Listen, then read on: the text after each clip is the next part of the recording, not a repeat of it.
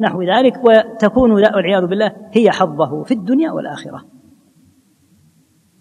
أما الآخرة فهذا الصنف لا نصيب له لأنه مغفل للعبادة وتركيزه في الاستعانة على حظوظ نفسه.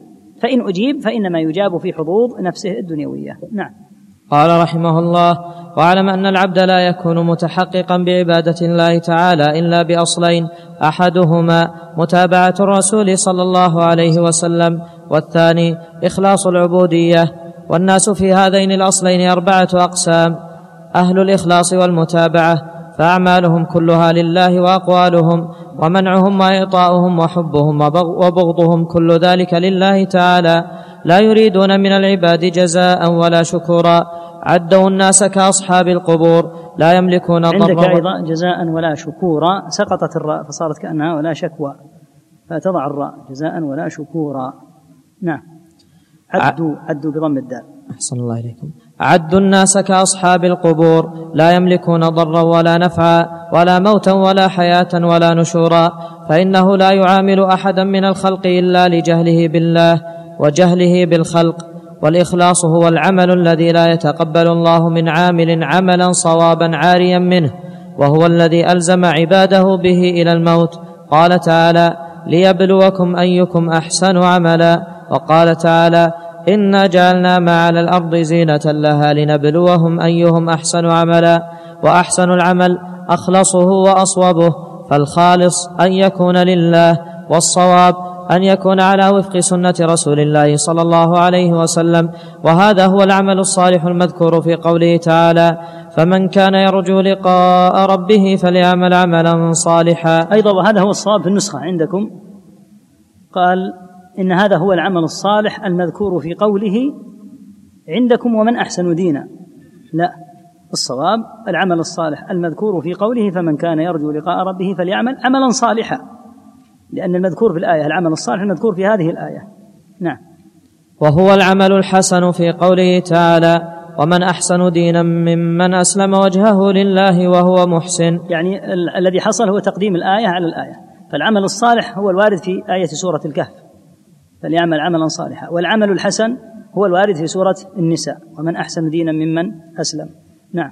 وهو الذي أمر به النبي صلى الله عليه وسلم في قوله كل عمل ليس عليه أمرنا فهو رد وكل عمل بلا متابعة فإنه لا يزيد عامله إلا بعدا من الله فإن الله تعالى إنما يعبد بأمره لا بالأهواء والآراء. نعم تكلم بعد ذلك عن كون العبادة.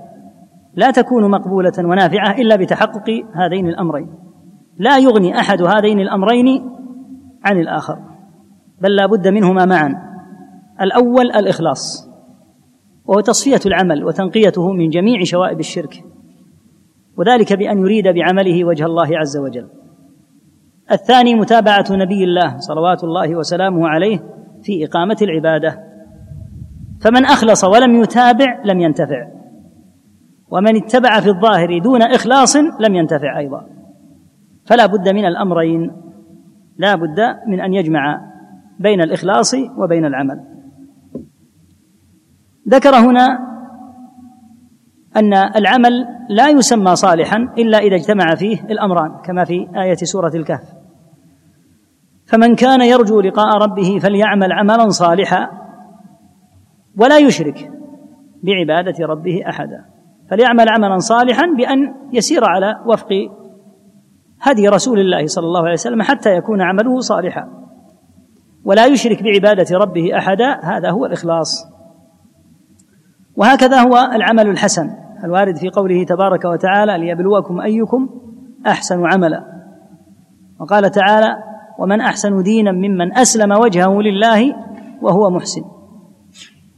فيجمع بين الإخلاص وبين اتباع النبي عليه الصلاة والسلام على بصيرة.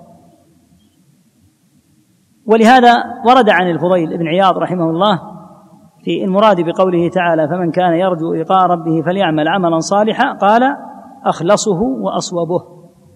قيل ما أخلصه وأصوبه؟ قال إن العمل إذا كان خالصا ولم يكن صوابا. يعني على سنة رسول الله صلى الله عليه وسلم لم ينتفع به صاحبه. وإذا كان صوابا على أقامه على في الظاهر على هدي رسول الله صلى الله عليه وسلم لكنه لم يكن مخلصا فإنه لا يكون صالحا ولا يكون صالحا إلا إذا كان خالصا صوابا لا بد من الأمرين. ولهذا قال صلى الله عليه وسلم من عمل عملا ليس عليه أمرنا فهو رد. يعني فهو مردود عليه ولو كان مخلصا حتى لو كان مخلصا لأنه يكون بذلك قد ابتدع ما لم يأذن به الله فابتداعه ما لم يأذن به الله. ولو كان يريد به وجه الله لا ينفعه. نعم. قال رحمه الله الضرب الثاني من لا إخلاص له ولا متابعة وهؤلاء شرار الخلق وهم المتزينون بأعمال الخير يراءون بها الناس وهذا الضرب يكثر في من انحرف عن الصراط المستقيم من المنتسبين إلى الفقه والعلم والفقر والعبادة فإنهم يرتكبون البدع والضلال والرياء والسمعة ويحبون أن يحمدوا بما لم يفعلوا.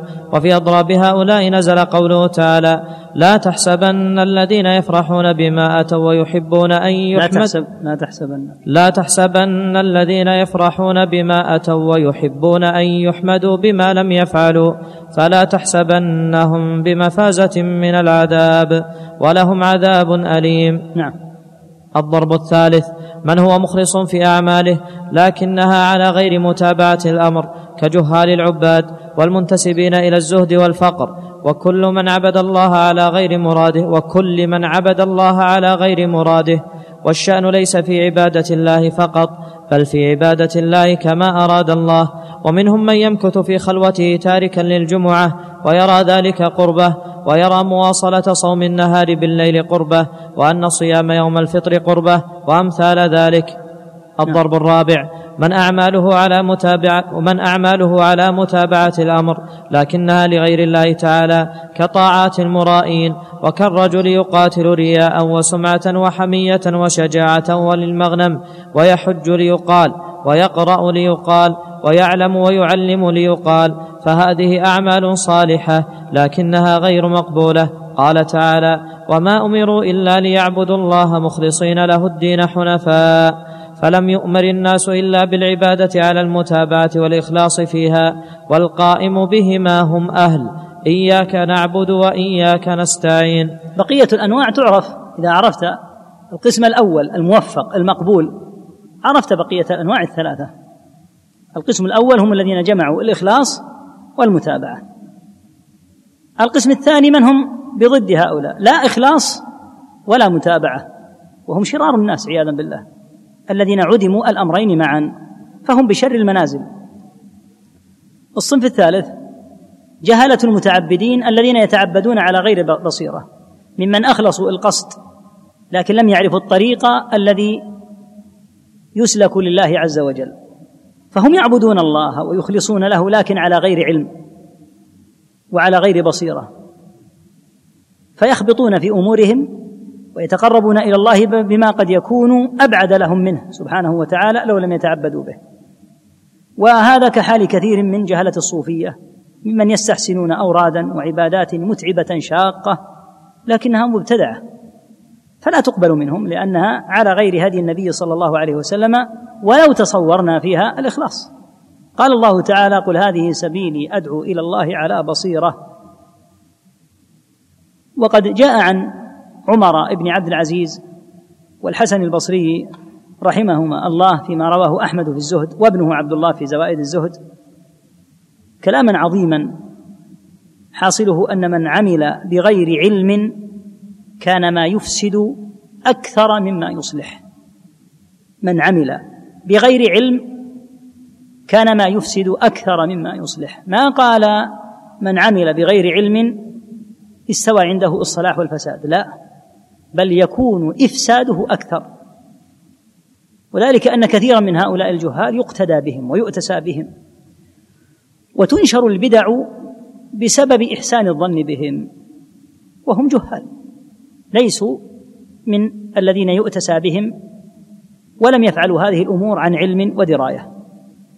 بل هكذا استحسنوا وهكذا توهموا وانطلقوا في الأعمال والأقوال والممارسات على غير بصيرة. وربما كانوا مخلصين. وربما بذلوا أموالهم وأعمارهم وسافروا السفر الطويل واجتهدوا. يظنون أن ذلك يقربهم من الله تعالى لكنهم على غير بصيرة. وهذا من دلائل خطورة الدعوة من قبل من يجهل. فإن الجهلة الذين يدعون حتى لو كانوا يريدون الخير. فإنهم يضرون ضررا بالغا. فينشرون الأحاديث الموضوعة. ويزينون البدع. وهم لا يشعرون لا يدرون. وربما تصدى بعضهم لرد الشبه. ومقارعة أهل الباطل من اليهود والنصارى والملاحدة والروافض وأهل الفساد. وهو في غاية من الجهل. فظهر الحق بأضعف مظهر فتسببوا في بفعلهم هذا في فتنة عظيمة وشر مستطير. ولهذا ليس لهم ولا لمن كان على جهالة أن يدعو إلا على بصيرة. فإن لم يكن على بصيرة فليترك الدعوة لمن هم على بصيرة. فإنه ما كلف إذا لم يكن عالما بما يدعو إليه ما كلف.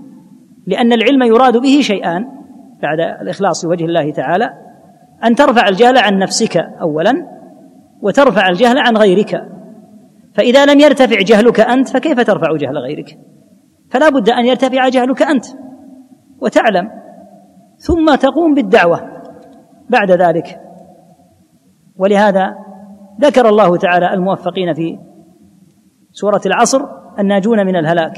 الناجين من الهلاك والعصر. إن الإنسان لفي خسر إلا الذين آمنوا وعملوا الصالحات. وإيمانهم وعملهم لا شك أنه على بصيرة وعلى علم. بعد ذلك ياتي وتواصوا بالحق وتواصوا بالصبر. هذا التواصي والدعوة تكون بعد ضبط أمر الإيمان والعمل بحيث يكونان على علم وبصيرة. وليس معنى ذلك أنه لا يدعو إلى العلماء الفحول النظار الكبار لا. لكن إذا دعا الإنسان فيما يعلم ويحسن فهذا جيد طيب. لكن ما لا يحسن وما لا يدريه يتركه وليقل الله أعلم ما أعلم ما أدري. أما أن يدخل في كل شيء مما يعلمه ومما لا يعلمه فلا شك أن هذا يضر ضررا بالغا. الحاصل أن هذا الصنف وهم جهلة العباد يكثر فيهم قلة البصيرة. وعدم القدرة على متابعة النبي صلى الله عليه وسلم لأن متابعة النبي صلى الله عليه وسلم ماذا تتطلب؟ تتطلب العلم وتتطلب أن تعرف سنته صلى الله عليه وسلم وهديه. وإن وجد فيهم الإخلاص لكنهم يخبصون خبصا على غير هدى وعلى غير بصيرة. نعم. قال رحمه الله ثم أهل مقام إياك نعبد لهم نعم بقي بقي القسم الرابع غفلنا عنه. وتحدثنا عنه بالأمس وهم من تظهر عليهم المتابعة الصورة الظاهرة منهم طيبة وحسنة و عندهم في الظاهر متابعة للنبي صلى الله عليه وسلم لكن الداء نسأل الله العافية والسلامة كامن في وجود المتابعة بلا إخلاص. فالمصاب هنا في الداخل نعوذ بالله وقد تكلمنا عنه وهم من يكون عندهم عدم إخلاص يكون عندهم متابعة في الظاهر وقد يأمرون بالمعروف أو ينهون عن المنكر ويظهر منهم العلم والمعرفة لكن ليسوا بمخلصين. فهؤلاء وجدت عندهم المتابعة في الظاهر ولم يوجد عندهم الإخلاص عكس السابقين. وجد عندهم الإخلاص الصنف السابق وجد عنده الإخلاص ولم يكن عنده علم ومتابعة. نعم.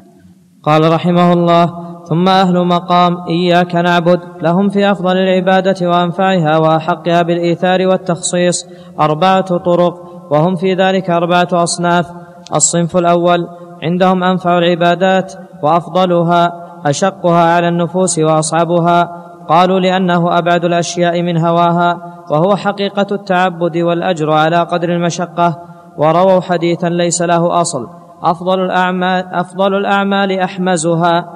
أي أصعبها وأشقها وهؤلاء هم أرباب المجاهدات والجور على النفوس. قالوا وإنما تستقيم النفوس بذلك إذا طبع إذا طبعها الكسل. قالوا وإنما تستقيم.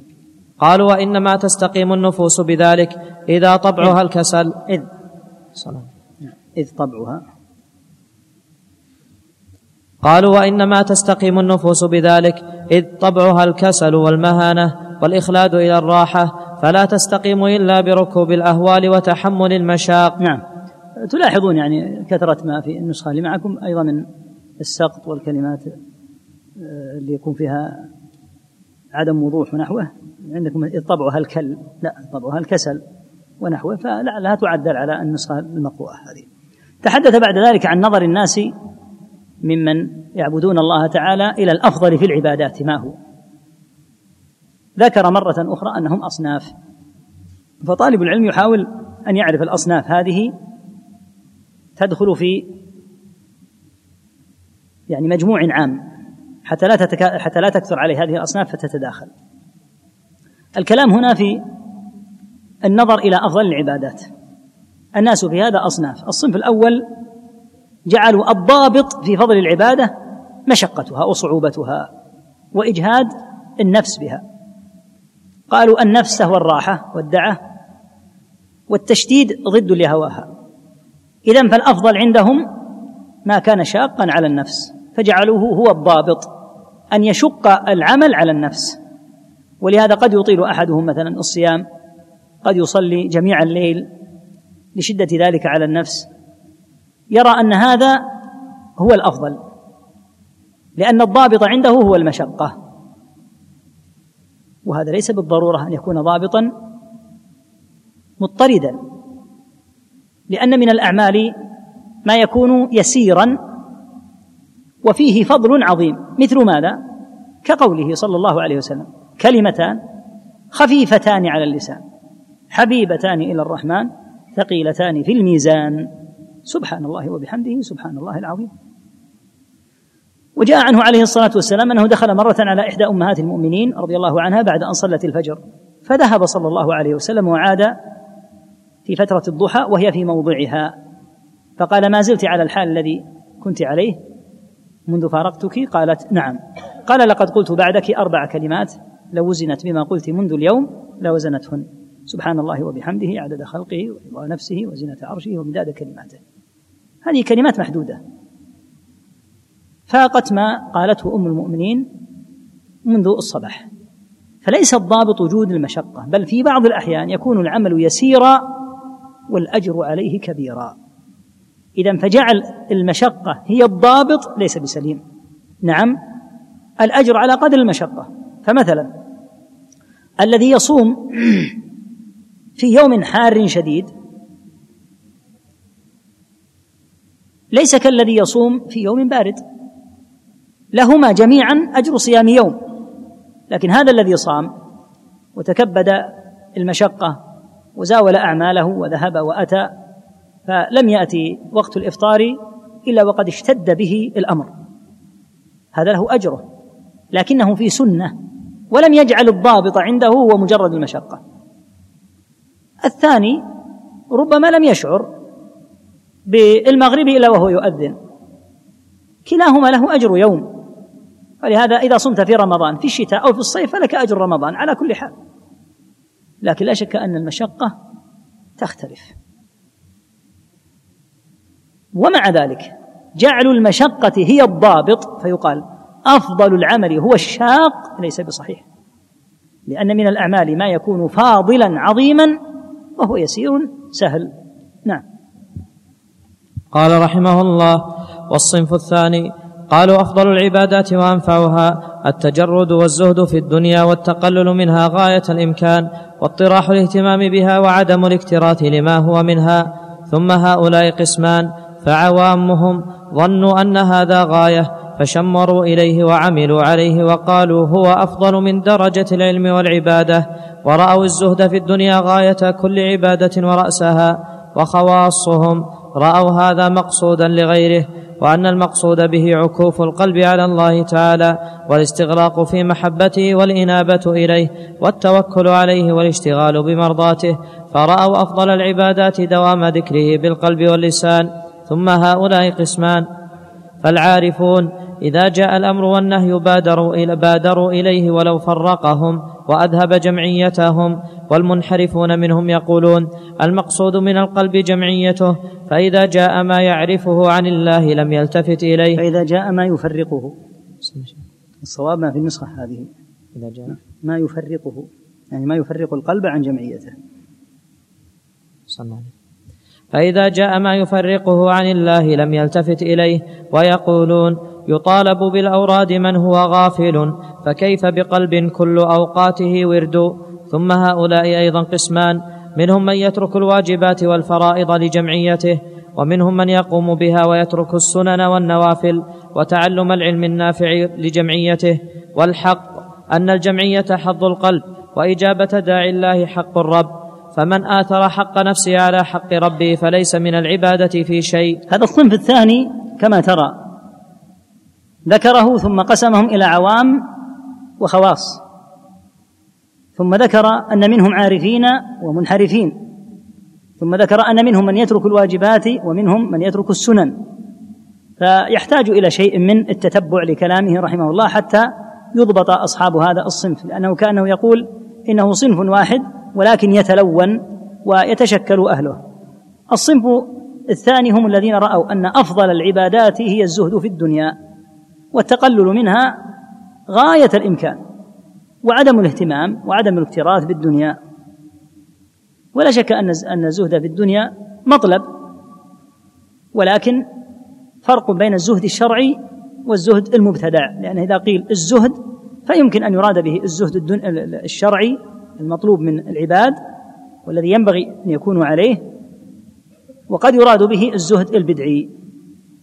فنأتي إلى أمر القائلين بأن أفضل العبادات الزهد في الدنيا. يقول هم قسمان هم قسمان. العوام منهم يظنون أن الزهد في نفسه هو الغاية. يظن أن الزهد هو الغاية. حتى إنهم ربما فضلوه على طلب العلم وعلى الجهاد في سبيل الله. لأن الزهد أضحى هو الغاية عندهم.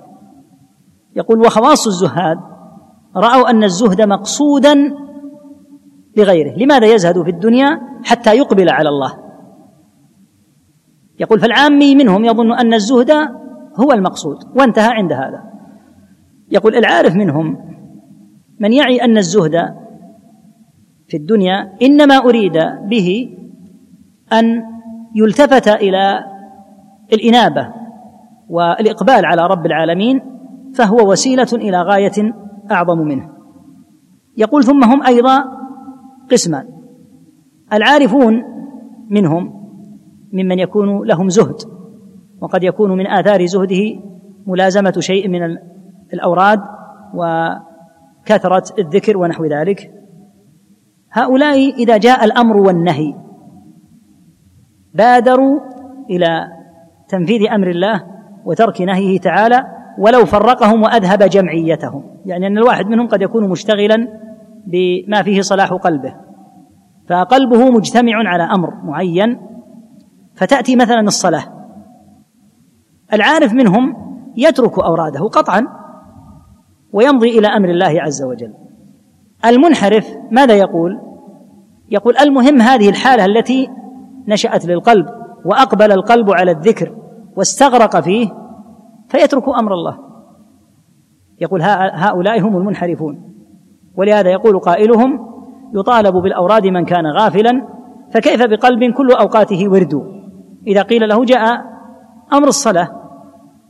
يقول الصلاة صلاة الجماعة تطلب ممن هو غافل حتى يأتي إلى الصلاة لكن في زعمه في تزكيته لنفسه أنه طول الوقت وهو في ورد وفي طاعة فيترك الصلاة التي أتت وجاء وقتها. ربما ترك الجماعة وربما والعياذ بالله تركها حتى يذهب الوقت كما سيأتي في القسمين الآخرين. يقول هؤلاء أيضا قسمان. منهم من يترك الواجب كصلاة الجماعة. ويقول أنا مقبل على ما أنا فيه من الخير والذكر.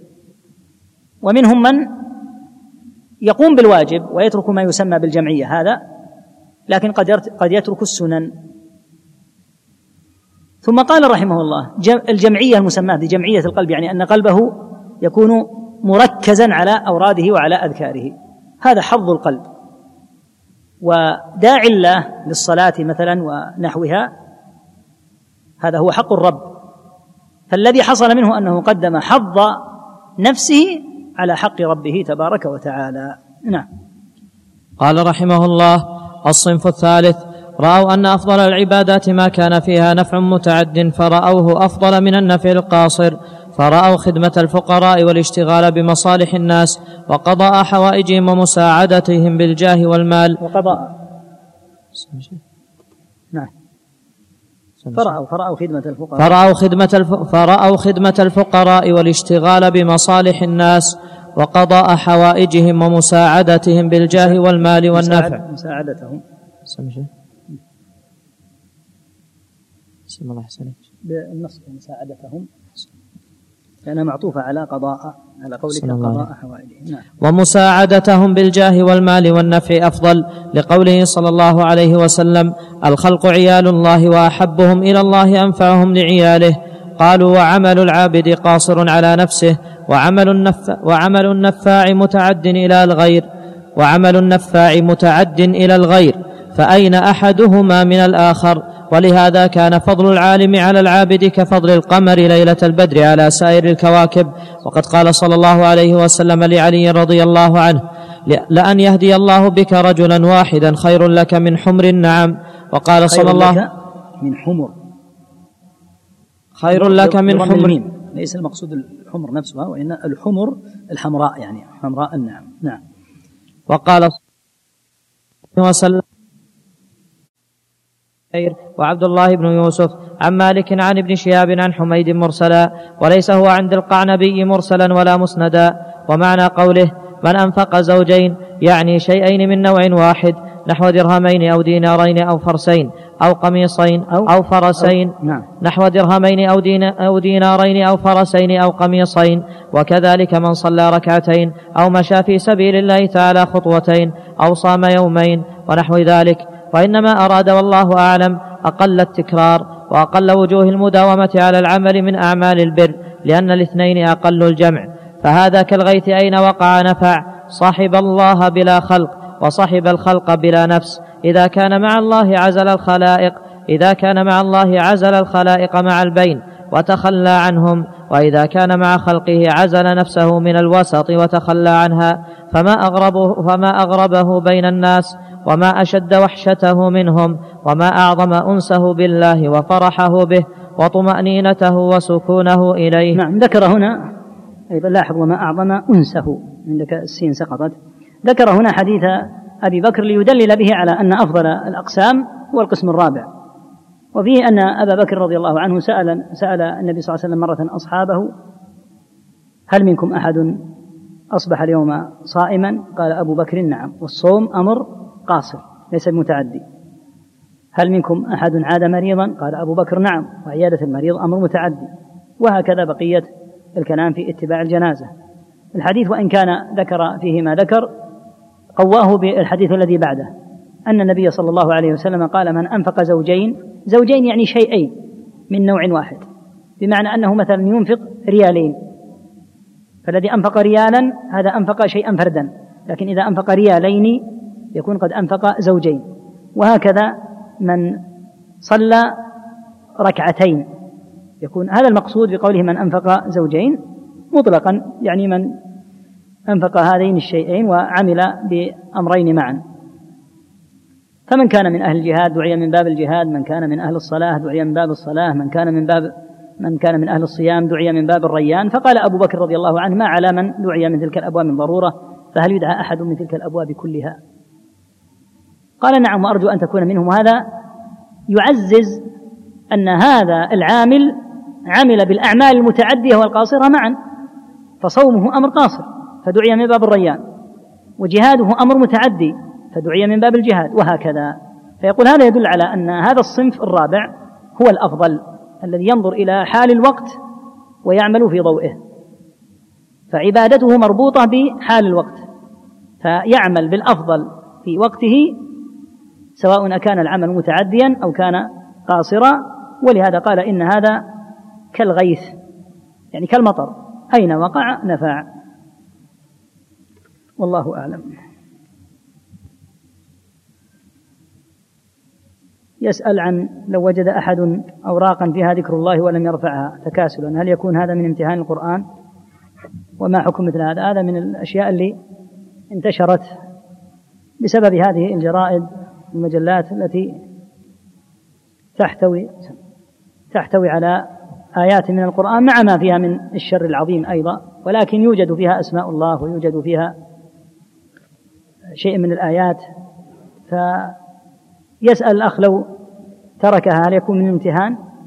امتهان القرآن يكون ممن رماها الذي يرميها لا يجوز أن ترمى هذه الجرائد إلا في مواضع تحفظها ما ترمى في مواضع الزبائل وأمثالها أو ترمى في الطرقات لما فيها من الأذكار وإلا فهي فيها شر كثير في العموم الأغلب لكن لأن فيها بعض الأحيان مقالة عن الشرع وفيها آية قرآنية وفيها شيء من أسماء الله فهذا هو وجهه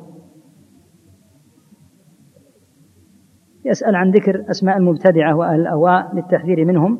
إذا كانوا قد أظهروا بدعتهم وتجلوا بها واتضحوا فهذا من النصيحة. لكن لا بد أن تتأكد من أنهم بالفعل أهل بدعة وأنهم أهل أهواء فعلا. يقول هل الأفضل الجمع بين العبادة وتعليم الناس العلم أم الأفضل تعلم العلم وتعليمه فقط؟ العبادة لا بد لك منها يا أخي. لا بد أن يكون لك نصيب من العبادة ولا بد. لكن الشأن في كون العلم هكذا يقارن. العلم وعبادة من النافلة. هذا وجه المقارنة. أما نقول ما الأفضل صلاة المغرب أو العلم هذا لا يجوز أن يطرح هذا السؤال أصلا. لكن الكلام هل العلم أفضل أو النافلة؟ الصواب أن العلم هو الأفضل لما فيه من النفع المتعدي والنافلة فيها نفع قاصر. لكن إذا صليت المغرب مثلا فالأفضل أن تصلي الركعتين بعد المغرب وذلك لا يحول بينك وبين الصلاة. لكن لا يحول بينك وبين العلم. لكن هل الأفضل أن تنشر العلم مثلا في فترة الضحى؟ لو وجد بلاد يكون فيها العلم في فترة الضحى. أو أن تصلي الضحى مدة ساعتين ثلاث ساعات. العلم قطعا. لأن العلم أفضل وهو اختيار أهل العلم رحمهم الله تعالى كالشافعي وأحمد وأمثالهم. بل قال الشافعي رحمه الله إن العلم لمن أصلح الله نيته أفضل حتى من الجهاد في سبيل الله.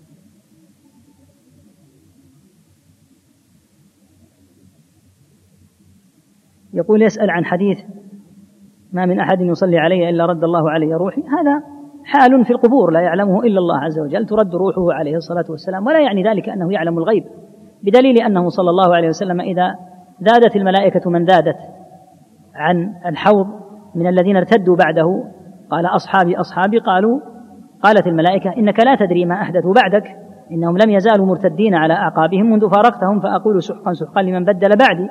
وفي بعض الروايات أنه قال فأقول كما قال العبد الصالح وكنت عليهم شهيدا ما دمت فيهم فلما توفيتني كنت أنت الرقيب عليهم فهو لا يعلم قطعا عليه الصلاة والسلام الغيب كما استدل بمقولة عيسى عليه الصلاة والسلام. لكن رد الروح عليه على حالة الله أعلم بها ونؤمن بهذا ولا شك وهو من أحوال البرزخ وله عليه الصلاة والسلام حياة أكمل من حياة الشهيد. فإن الله تعالى قال ولا تحسبن الذين قتلوا في سبيل الله أمواتا بل أحياء لكن هل الشهيد يدري ويعرف من يأتيه ويعلم أن هذا الآتي إليه يقول كذا وكذا أو يدعو له بكذا وكذا؟ لا قطعا لأنهم قد ماتوا. فيقتصر على ما دل عليه النص. أما أن يزاد كأن يذهب ويقول كلاما أو والعياذ بالله يرفع شكوى للنبي صلى الله عليه وسلم. النبي صلى الله عليه وسلم لا يجوز أن ترفع إليه الشكوى وقد مات. إنما ترفع الأمور إلى الله تعالى علام الغيوب. يسأل هل على هذا الكتاب شرح مكتوب؟ ما أذكر والله ما أذكر أن عليه شرحا مكتوبا.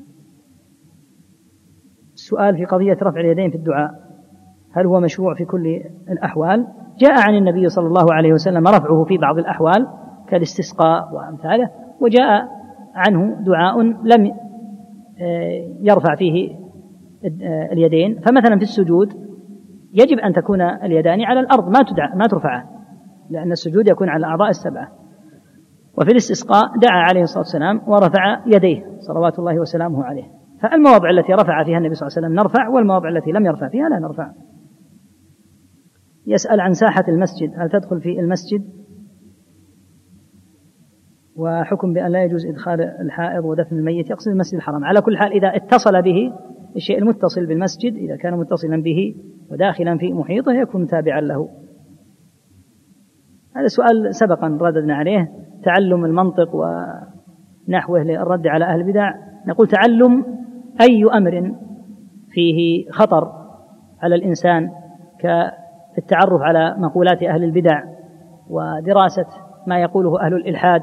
وهكذا ما يقوله اليهود والنصارى لا يجوز إلا من قبل من هو متمكن من العقيدة أولا.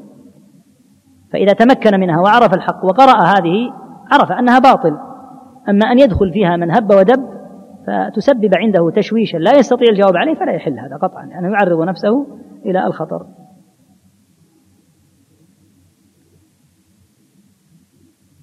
يقول ما حكم حضور طالبة العلم إلى الدروس العلمية بدون محارم مع سائق أجرة لا يجوز لا يجوز أن تأتي وحدها لا لدرس علم ولا لصلاة تراويح ولا لحضور جمعة أو جماعة في حال خلوة.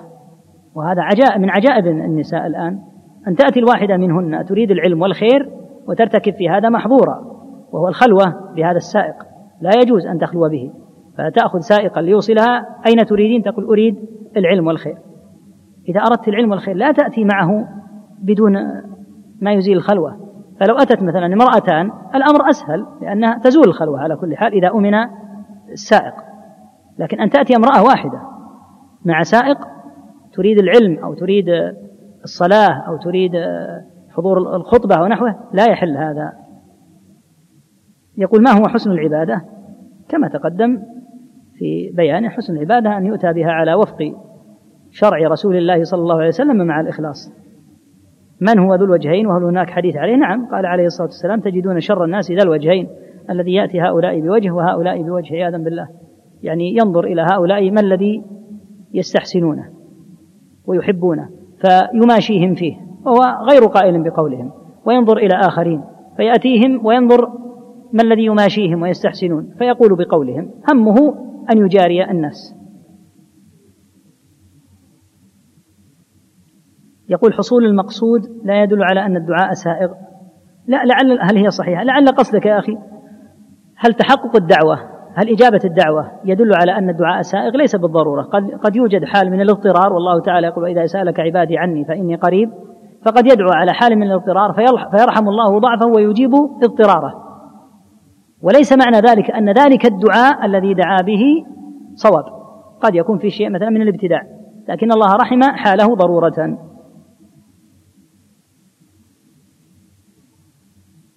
يقول في يوجد في صفحة 214 خطأ في حديث معاذ رضي الله عنه. نرجو التنبيه عليه.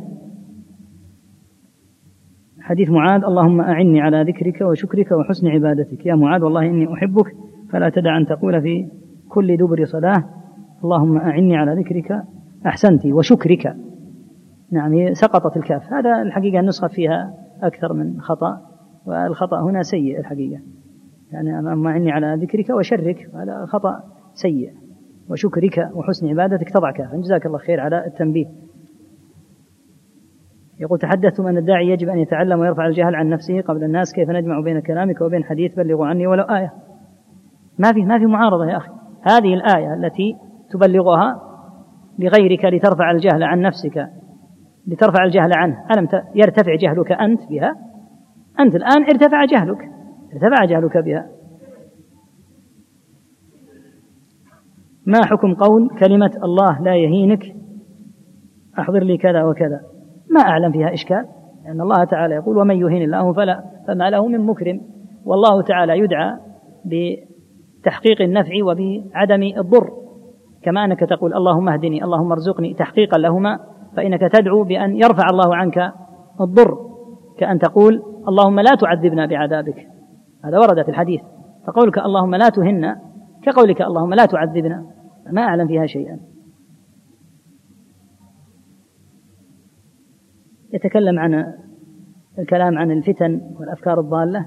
فيه محاضرة لنا سبقت بعنوان المنهج الشرعي في التعامل مع الفتن موجودة على يعني مسجلة في الشبكة ونحوها. لو أدخلت هذا الاسم المنهج الشرعي في التعامل مع الفتن تجد الكلام فيها والتفاصيل. يسأل عن الخلق يا الله وأحبهم إلى الله أنفعهم لعياله. ليس مقصود أنهم كون عيال الله أنهم كأبنائك أنت ولكن الله سبحانه خلقهم وأوجدهم وهو ربهم وهو مولاهم. فيحب الله عز وجل من عباده أن ينفع بعضهم بعضا خاصة من أهل الإسلام. نعم هذا أيضا نفس السؤال عنه.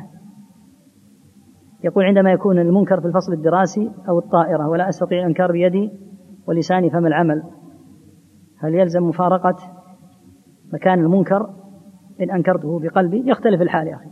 أما الطائرة فلا تستطيع المفارقة بالمكان. أنت صرت في الطائرة إذا طارت الطائرة لا تستطيع أن تفارق.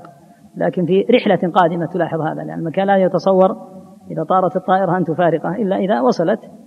لكن إذا وجدت رحلات فيها خمور وأمثالها على بعض يعني الخطوط الخبيثة هذه تتركها. تنظر إلى الخطوط مثل خطوط البلد هذه يمنع. فيها الخمر فتذهب مع مثل هذه الخطوط. يسأل مرة أخرى عن جماعة التبليغ ونحوها. نقول ينبغي على الأمة أن تكون جماعة واحدة وأن تترك هذه الجماعات وتأتلف وتكون تحت قيادة أهل العلم والبصيرة. ويترك الناس من تقطيعهم إلى هذا من جماعة كذا وهذا من جماعة كذا. وأيضا هذه الجماعة يوجد فيها جهل كثير. عدد ممن فيها عندهم جهل عظيم وربما قاموا وتصدروا ورأينا بعضهم وقف وصار يحدث ويتكلم مع جهل شديد عنده حتى بالآيات القرآنية وبعضهم يكون عنده حماسة للخير وهداه الله عز وجل بعد ضلاله فيكون عنده حماسة واندفاع لكن عنده جهل. حتى قراءة القرآن يقرأه خاطئا ويحدث أمام الناس و... فينبغي كما قال عمر رضي الله عنه والحسن رضي الله عنه آه، من دعا قبل أن يتعلم كان ما يفسد أكثر مما يصلح. ينبغي أن تكون الأمور على علم وعلى بصيرة ما أن تكون الأمور مفتوحة. كل أحد يريد أن يتحدث ينصح يعظ فينشر أحاديث موضوعة ويحسن بدعا وينفي أشياء ثابتة ويثبت أشياء منفية. ينبغي أن يكون إنسان على بصيرة. بعض الأسئلة يعني تكون فيها أشياء افتراضية مما لا ينبغي أن يفترض. يقول كلمة عن الغش في الاختبارات وإصدار فتوى عن تصوير الأوراق للطلاب. لا شك أن الغش في الاختبارات يشمله قوله صلى الله عليه وسلم من غش فليس مني فهو أمر محرم. وفيه أمر سيء آخر وهو أنه يغش في الاختبار ويترتب على هذا أن يأخذ شهادة. فإذا حصل على شهادة عين في وظيفة وهو لا يحسن العمل الذي أحسن ف آه، الذي تخرج وأخذ عليه الشهادة. فكل هذا لا يجوز. وما ذكر أيضا من موضوع تصوير الأوراق ينبغي لمن عندهم آه، يعني هذه الأسئلة أن يتحوطوا حتى لا يسقط شيء من هذه الأوراق ويكون على جانب من الحيطة والحذر حتى لا تنتشر. والطالب الذي يتقي الله ويخافه لو قيل له وجدنا أسئلة نعطيك نسخة منها إن كان يخاف الله حقا فإنه لا يطلع عليها ويأبى. خذ هذه الورقة غدا سيأتي فيها الاختبار يقول الله لا أخذها ولا أنظر فيها ما يجوز. وبعض المدرسين ممن لا يخاف الله عز وجل يعطي الطلاب الأسئلة سواء بثمن أو بدون ثمن. بثمن لأنه يبيعها بيعا وبدون ثمن لأنه لا يريد أن يظهر تقصيره وقلة اجتهاده.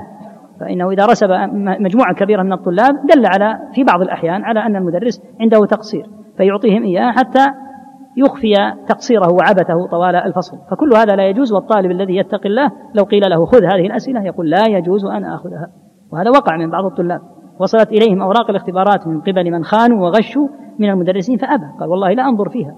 وأتى من الغد وهو لا يدري بالأسئلة. ودخل الاختبار وهو لم يطلع على الأسئلة. وهذا الواجب. هذا الواجب. فإذا خان غيرك فلا تقل انتشرت لم يبقى إلا أنا لا. حتى لو لم يبقى إلا أنت فأنت مسؤول عن نفسك. يقول حكم أهل أقسام الاستعانة التي ذكرها الشيخ على ما ذكرنا. يعني تارة يكون من القدرية والمعتزلة وتارة القسم الأول هم هم أصحاب المنهج السوي الاستعانة بالله على عبادته. يذكر الأخ تصحيفات في صفحة كذا وكذا كثيرة الحقيقة في أكثر من صفحة. ولهذا أراها بعض الأحيان ولا يعني أعدلها لأنها كثيرة جدا ستؤخرنا في الدرس. لكن الأخطاء الواضحة أو الأخطاء اللي في الأحاديث أو نحوه يجب التنبيه عليها. يقول ما حكم من أراد أن يصلي على قريب له بعد عشرة أعوام والسبب أنه كان بعيدا عنه يدعو له يا أخي. الدعاء إذا قبله الله عز وجل ففيه مصلحة كثيرة. ذكر بعض أهل العلم أن غاية ما يصلى على القبر نحو من الشهر. يعني ما دام القبر أمره قريب أو نحوه فأن يصلى عليه وبعضهم أوصلها إلى الشهر. والله أعلم يعني هل يقال لها بشهر أو أقل أو نحو لكن عشرة أعوام كثيرة لأنه يترتب على هذا. مثلا أن يأتيك إنسان فيقول سأصلي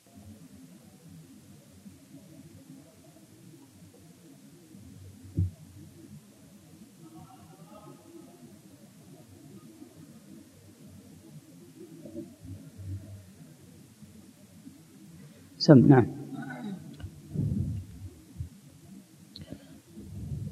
بسم الله الرحمن الرحيم. الحمد لله رب العالمين وصلى الله وسلم وبارك على عبده ورسوله نبينا محمد وعلى آله وصحبه أجمعين. قال المؤلف رحمنا الله وإياه واعلم أن الناس في منفعه واعلم أن الناس واعلم أن الناس في منفعة العبادة وحكمتها. أن للناس.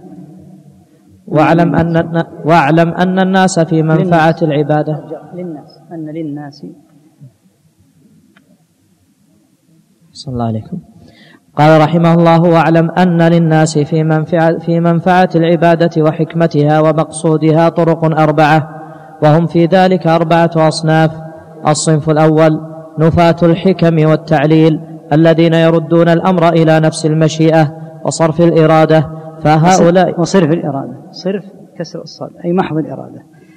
نعم.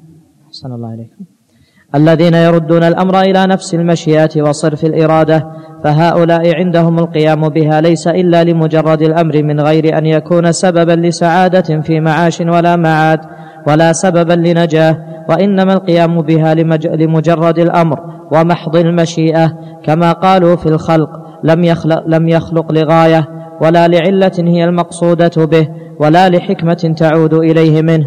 وليس في المخلوقات أسباب تكون مقتضيات لمسبباتها.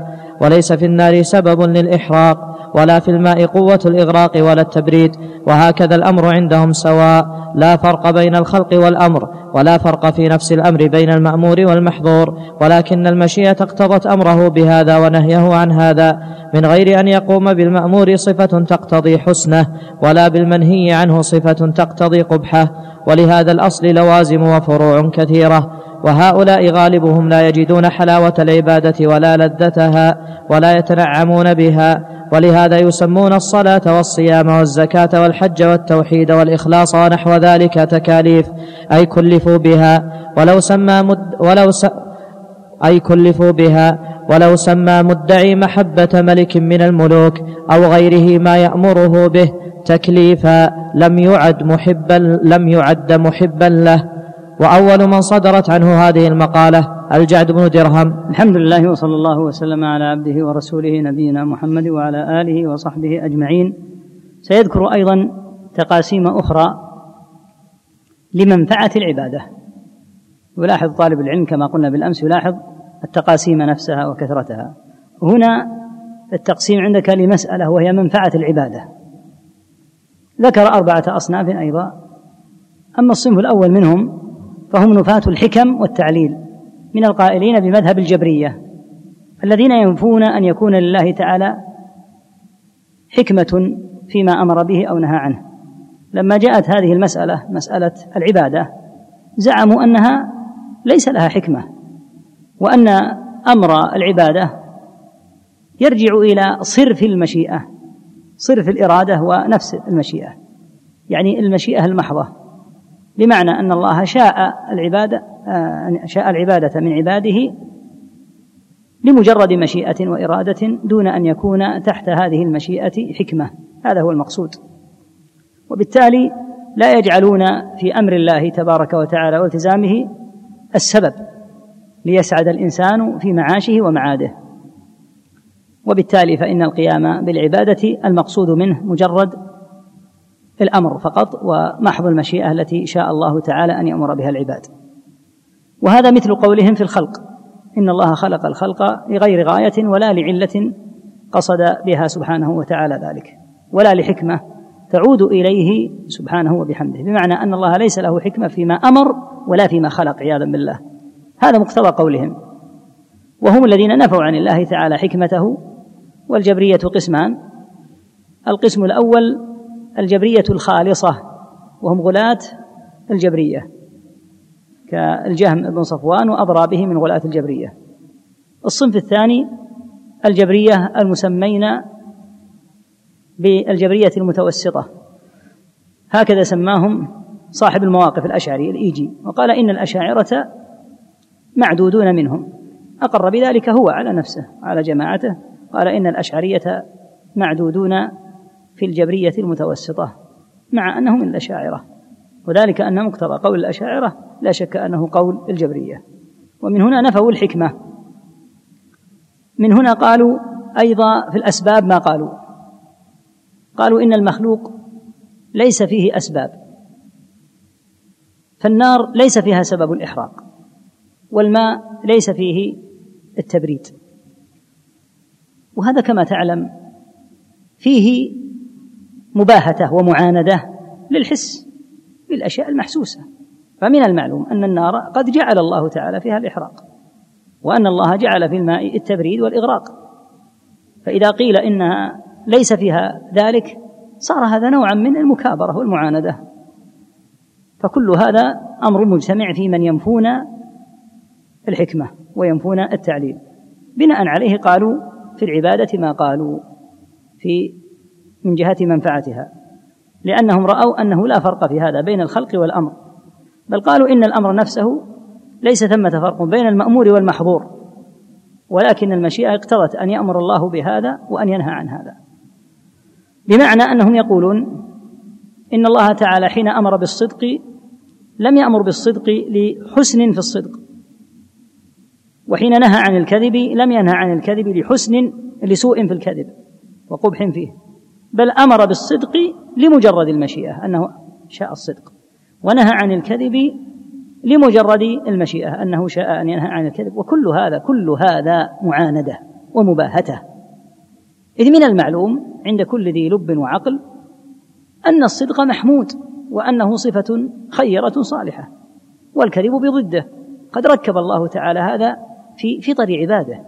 فالقول بأنه لا فرق بين الصدق والكذب إلا أن الله فقط شاء أن يأمر بالصدق وينهى عن الكذب هو من الكذب ومن الافتراء على أمر الله وعلى قدره عز اسمه.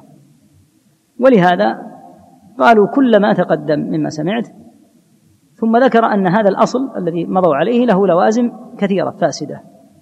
والغالب على هؤلاء كما قال رحمه الله أنهم لا يجدون حلاوة العبادة ولا لذتها لأن المؤمن إذا تقرب إلى الله تبارك وتعالى بالعمل مرضيا لله سبحانه مؤديا لما فيه تقريبه منه سبحانه وبحمده يستشعر لذة العبادة. أما إذا أدى العبادة لظنه أنها مجرد مشيئة وأن هذه العبادة التي أمر بها كان بالإمكان أن ينهى عنها فأي لذة لعبادة كهذه؟ فالحاصل أن هذا كله متسلسل فيهم. نسأل الله العافية والسلامة. وقوله في الأخير إن أول من صدرت عن هذه المقالة هو الجعد بن درهم يعني أصل المقالة في نفي الحكم لأنه من الجبرية. أما تسميتها بالتكاليف فنعى على من يسمون الصلاة والصيام بالتكاليف. قال لأنها كما قال عليه الصلاة والسلام وجعلت قرة عيني في الصلاة. والصلاة ليست تكليفا شاقا بمعنى أن الله تعالى أراد أن يكلف بها تكليفا. كما يقول نفاة الحكم والعلل لكن الله تعالى أمر بها لما فيها من الفوائد العظام. كقوله تعالى في الصيام كتب عليكم الصيام كما كتب على الذين من قبلكم لعلكم تتقون. أي لأجل أن تتقوا ففي الصيام فائدة التقوى. وهكذا الصلاة قرة عين المؤمن. وإن كانت كما تقدم بالأمس قد تكون كبيرة على من ليسوا من الخاشعين وإنها لكبيرة إلا على الخاشعين. الذين يظنون أنهم ملاقوا ربهم فأهل الخشوع والتقوى الصلاة عندهم قرة عين. فالحاصل أن هذا كله يعود إلى القسم الأول وهم الجبرية بطرفيها ممن ينفون الحكمة والتعليل. نعم. قال رحمه الله الصنف الثاني القدرية النفاة الذين يثبتون نوعا من الحكمة والتعليل. لا يقوم بالرب ولا يرجع إليه بل يرجع لمحض مصلحة المخلوق ومنفعته فعندهم أن العبادات شرعت أثمانا لما يناله العباد من الثواب والنعيم وأنها بمنزلة استيفاء الاجير أجره. قالوا ولهذا يجعلها سبحانه عوضا. كقوله تعالى ونودوا أن تلكم الجنة أورثتموها بما كنتم تعملون.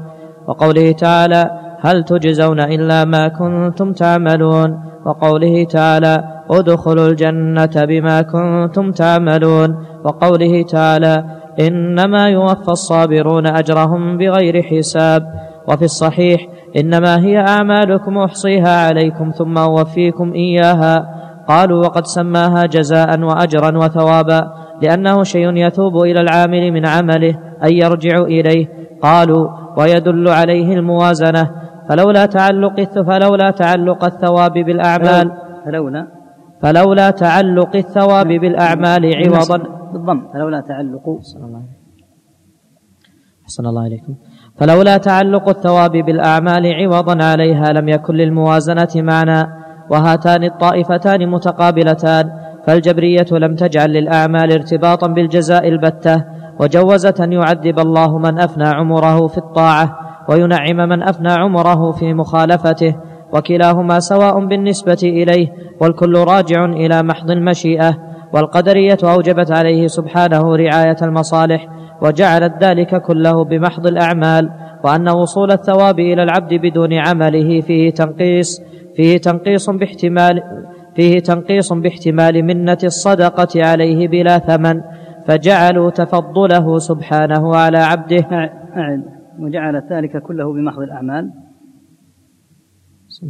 والقدرية أوجبت عليه. والقدرية أوجبت عليه سبحانه رعاية المصالح وجعلت ذلك كله بمحض الأعمال وأن وصول الثواب إلى العبد بدون عمله فيه تنقيص باحتمال منة الصدقة عليه بلا ثمن فجعلوا تفضله سبحانه على عبده. هذا هذا كله ساقط من النسخة هذه.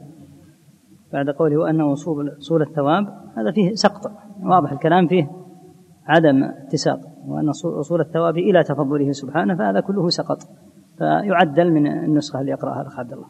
اقرأ من قوله وأن وصول الثواب. من هو القدرية نعم والقدرية لا بأس. والقدرية أوجبت عليه سبحانه رعاية المصالح وجعلت ذلك كله بمحض الأعمال وأن وصول الثواب إلى العبد بدون عمله فيه تنقيص باحتمال منة الصدقة عليه بلا ثمن فجعلوا تفضله سبحانه على عبده بمنزلة صدقة العبد على العبد وأن إعطاء ما يعطيه أجرة على عمله أحب إلى العبد من أن يعطيه فضلا منه بلا عمل ولم يجعلوا للأعمال تاثيرا في الجزاء البتة. والطائفتان منحرفتان عن الصراط المستقيم وهو أن الأعمال أسباب موصلة إلى الثواب والأعمال الصالحات من توفيق الله تعالى وفضله. وليست قدرا لجزائه وثوابه بل غايتها إذا وقعت على أكمل الوجوه أن تكون شكرا على أحد الأجزاء القليلة من نعمه سبحانه. فلو عذب أهل سماواته وأهل أرضه لعذبهم وهو غير ظالم وهو غير ظالم لهم. ولو رحمهم لكانت رحمته لهم خيرا من أعمالهم. وتأمل قوله تعالى وتلك الجنة التي أورثتموها بما كنتم تعملون مع قوله صلى الله عليه وسلم لن يدخل أحد منكم الجنة بعمله. تجد الآية تدل على أن الجنان بالأعمال والحديث ينفي دخول الجنة بالأعمال. الحديث. الحديث معطوف على أن الأولى أن يكون استئناف. لأنه قال تأمل. تأمل قوله تجد. أحسن الله إليكم تجد الآية تدل على أن الجنان بالأعمال والحديث ينفي دخول الجنة بالأعمال ولا تنافي بينهما لأن توارد النفي والإثبات ليس على محل واحد فالمنفي باء الثمنية واستحقاق الجنة بمجرد الأعمال ردا على القدرية المجوسية التي زعمت أن التفضل بالثواب ابتداء متضمن لتكدير المنة والباء المثبتة التي وردت في القرآن هي باء السببية ردا على القدرية الجبرية الذين يقولون لا ارتباط بين الأعمال وجزائها ولا هي أسباب لها وإنما غايتها أن تكون أمارة. والسنة النبوية هي أن عموم مشيئة الله وقدرته لا تنافي ربط الأسباب بالمسببات وارتباطها بها وكل طائفة وكل طائفة من أهل الباطل تركت نوعا من الحق فإنها ارتكبت لأجله نوعا من الباطل بل أنواعا. فهدى الله أهل السنة لما اختلفوا فيه من الحق بإذنه. الصنف الثاني عكس للصنف الأول دائما في كل مسألة. أولئك الجبرية وهؤلاء القدرية. هؤلاء يثبتون حكمة لكن لا تكون الحكمة راجعة إلى الرب سبحانه وتعالى بل يجعلونها راجعة لمجرد مصلحة المخلوق. ولهذا يرون أن العبادات إنما شرعت أثمانا بمعنى أنهم يرون أن الصلاة والزكاة والحج ونحوها هذه لما عملها العبد استحق بها الجنة لزاما وعلى أساس كلامهم القبيح أنه استحقها لزاما على الله. نسأل الله العافية والسلامة. قالوا لأنه قدم الثمن فيلزمه المثمن. فهكذا نظروا والعياذ بالله إلى أمر الجنة والثواب وأمر العبادات. فيرون أن العبادات بناء عليها يلزم الله أن يدخل العباد الجنة. نسأل الله السلامة والعافية. قالوا أخزاهم الله دون فضل من الله. نسأل الله العافية. نعوذ بالله من قالة السوء. مع أنك تعلم أن أهل الجنة إذا دخلوا الجنة ماذا يقولون؟ الحمد لله الذي هدانا لهذا وما كنا لنهتدي لولا أن هدانا الله. فهذا قول فظيع للغاية حاصله سوء الفهم للمراد بقوله تعالى ونودوا أن تلكم الجنة أورثتموها بما كنتم تعملون. الباء هنا يزعمون أنها باب الثمنية والعوض. عملوا فعوضوا بالجنة نظير هذه الأعمال. كما أن صاحب السلعة إذا دفع السلعة لزم من دفعت إليه السلعة أن يؤدي الثمن. وهذا غير صحيح قطعا لأن الباب هذه الباء هذه هي باء السبب. يعني دخلتم الجنة بسبب أعمالكم هذا هو المراد. ولا يمكن أن تكون الأعمال ثمنا للجنة لأن الجنة أكبر بكثير وأعظم من أن تكون الأعمال ولو تقطع الإنسان تقطعا في العمل الجنة أرفع بكثير من أن تكون مقابل هذا العمل. ولهذا قال صلى الله عليه وسلم لن يدخل أحد منكم الجنة بعمله. لا يمكن أن تكون الجنة عوضا ولكن العمل سبب. إذا فالباء في الآية هي باء السبب أي أنكم تدخلون الجنة بسبب أعمالكم بعد تفضل الله عز وجل. وإلا فلو عمل الإنسان ولم يتفضل عليه الله لما كان مستحقا للجنة. فهذه المقولة منعكسة من أصل مقولتهم والعياذ بالله في القدر وقولهم إن الله تعالى سماها جزاء وثوابا هو كله داخل فيما تقدم. لا يمكن أن يكون هذا الجزاء مقابلا لعظم الجنة وكبر شأنها. وكل ما أوردوه داخل في هذا. عكسهم تماما الجبرية. ولهذا قال رحمه الله إن هاتين الطائفتين متقابلتان متضادتان الجبرية والقدرية. الجبرية لم تجعل للأعمال ارتباطا بالجزاء البتة. يقولون إن الأعمال ليست حتى مجرد سبب لدخول الجنة بل هي مجرد محض مشيئة. شاء الله أن يصلي العباد شاء الله أن يصوموا فقط. وليس ثمة حكمة أصلا من أمرهم بهذا. وبناء عليه قالوا ما قالوا. إن الأعمال ليست مرتبطة بالجزاء. وأولئك بالغوا فقالوا بل الجنة مقابل العمل. ورتبوا عليه مسألة فظيعة أخرى عن القدرية.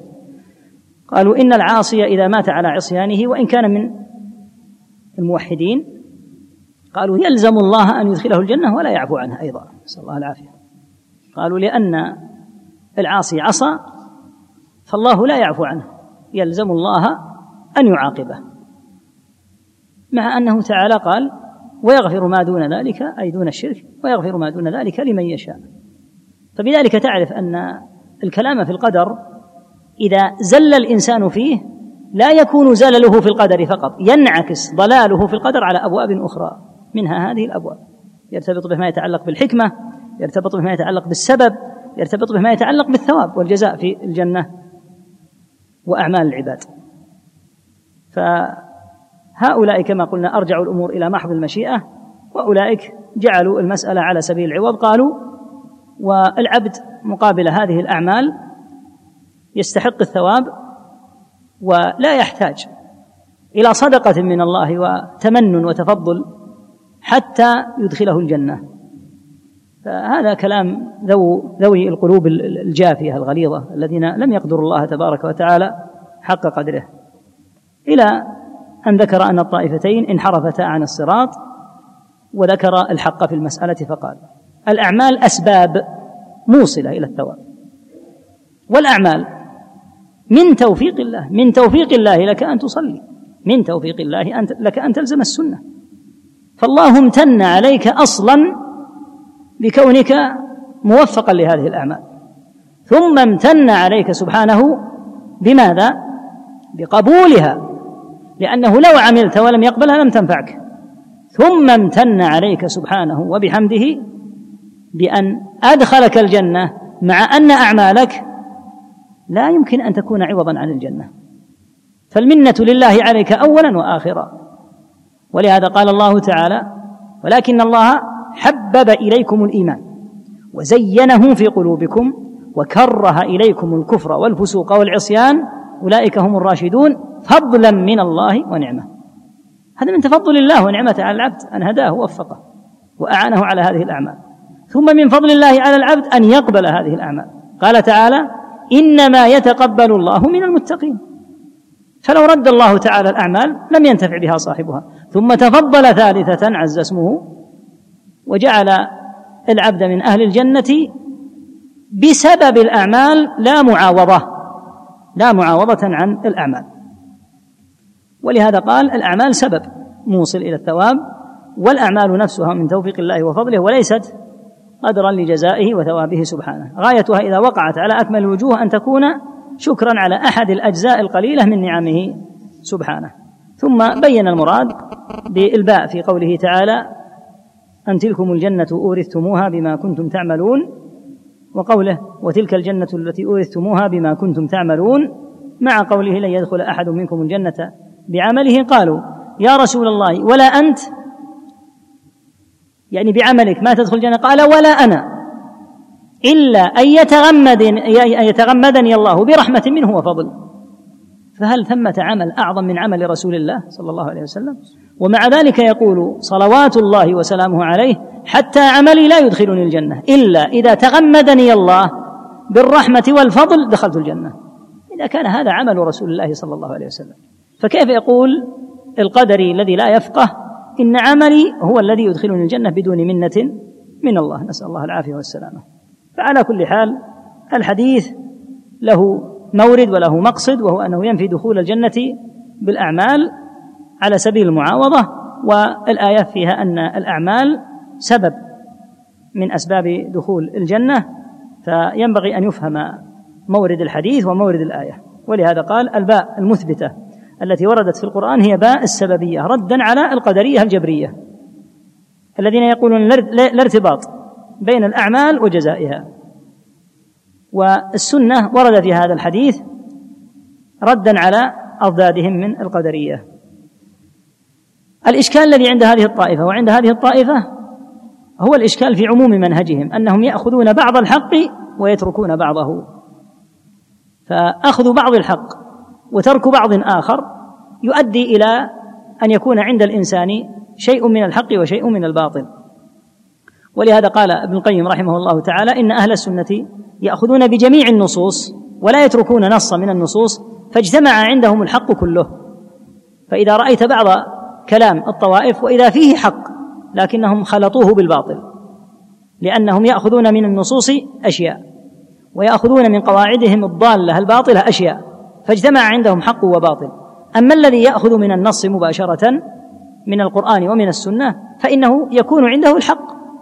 لأن الحق أين يوجد؟ يوجد في النصوص.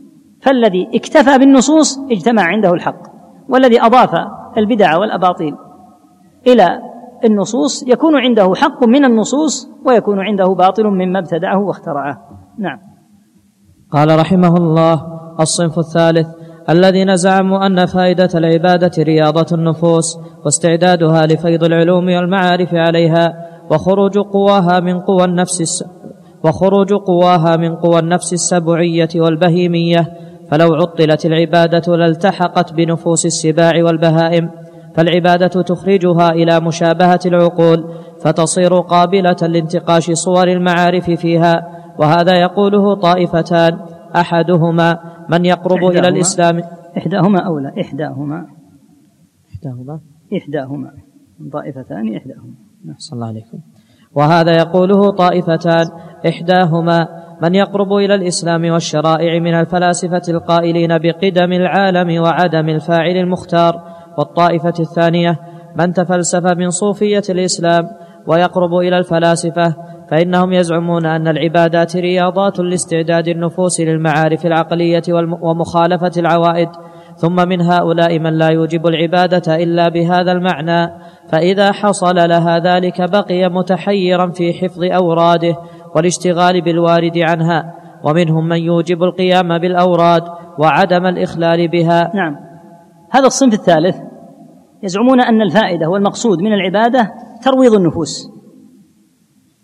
لأي شيء تروض هذه النفوس لتفيض عليها علوم ومعارف. وتخرج النفوس من الوضع الذي هي فيه من الوضع الذي تشابه فيه قوى السباع والبهائم. قالوا لو تركت النفوس بلا عبادة لكانت ملحقة بالبهائم والسباع. فالعبادة تروض النفوس فلأجل ذلك شرعت العبادة. هذا نظرهم. فبناء عليه إذا روضت هذا الترويض قبلت ما يسمونه بانتقاش صور المعارف يعني أنها تفيض عليها المعارف في هذه الحالة. يقول هذا القول يقول به طائفتان. الطائفة الأولى واضح أن هذه مقولة الفلاسفة الذين يزعمون أن هذا الترويض النفوس يجعل العقل المسمى بالعقل الفعال يفيض على هذه النفوس التي روضت بالعلوم والمعارف. الطائفة الثانية من نفس الداخلين في هذا الصنف الصوفية الذين خلطوا التصوف بالفلسفة من أمثال ابن عربي ونحوه. هؤلاء قولهم قريب من قول الفلاسفة ومأخوذ منه. زعموا أن العباده